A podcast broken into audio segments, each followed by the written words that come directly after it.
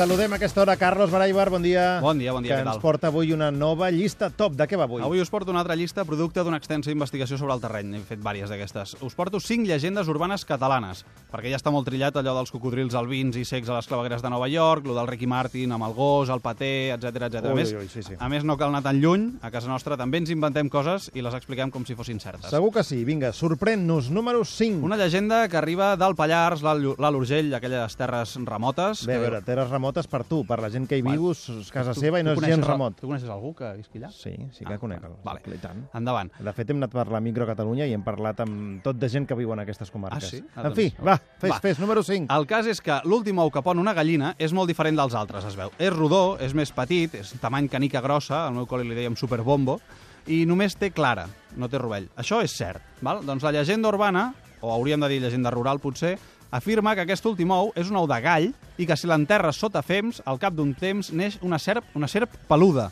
I es veu que sempre pots trobar el típic avi que assegura que n'ha vist una de serp peluda. Aquesta llegenda és cortesia a l'Ivan Almirall, que, que agraïm que sapigués aquesta llegenda, que ens l'expliqués, perquè s'ha d'anar fins a- al saber de la Terra per, per trobar aquestes joies. A- Aquestes terres remotes. Això. Sí. sí. Número 4. El número 4, una llegenda relacionada amb un mite de la tele, el Doraemon. Aquesta llegenda, en versions més o menys diferents, se sol repetir en altres sèries. Però diu la llegenda que en l'últim capítol de Doraemon, el Novita, el protagonista, aquell nen aquell insuportable i una mica tonto, es desperta d'un coma i se sap que tot el rotllo del gat còsmic l'ha somiat. És un recurs facilíssim, però que podria ser. I és especialment escabrós el tema, perquè parla d'un coma. El nen es desperta d'un coma, no d'un somni. En fi, la llegenda més continua i diu que molts nens al Japó es van suïcidar quan es va emetre aquest capítol. En fi, sempre jugant amb les rareses dels japonesos. Aquesta seria fàcilment eh, comprovable, no? O, o és que És que és no d'aquelles sèries que no saps si capítols no encara, saps si no? s'ha acabat mai, el Doraemon. Algú sap si s'ha acabat, Doraemon? Vinga, número 3. Al número 3, mai es veu cap xinès mort. Aquesta és una llegenda que m'agrada molt. No hi ha xinesos enterrats als cementiris catalans. A veure, és cert que no he vist mai cap xinès mort, però és que tampoc he vist cap, persona, cap negre mort i de blancs molt pocs, afortunadament. És a dir, els xinesos es moren segur, per desgràcia, i els, que els enterren també és pràcticament segur que sí. Que també pot ser que els enviïn a casa, com ens explica el Roberto Saviano a Gomorra, no sé si ho heu llegit, però vaja, que els xinesos es moren com tothom, els vetllen, els enterren i ho fan com la resta de mortals. Animem a la comunitat xinesa que ens desmunti aquesta llegenda idiota.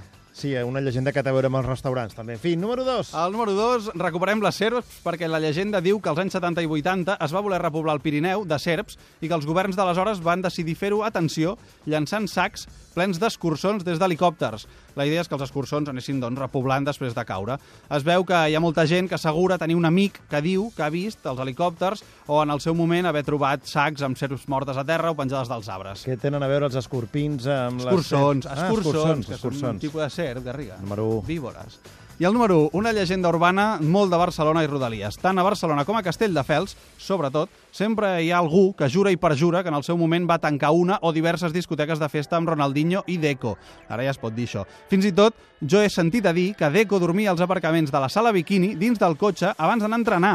Com tothom sap, això és difamació, són llegendes urbanes, ningú va veure mai ni Deco ni Ronaldinho de festa, i a més, i què si se n'anaven de festa? El seu rendiment no se'n va ressentir mai, no? No, no, i a més és veritat, eh? no se'ls va veure mai de festa. Mai, va, mai. mai, mai de mai. I què, i Aquesta, què? Això és una llegenda, vols dir? Estàs Home, segur? no sé. Gràcies, Carlos. Fins demà. demà.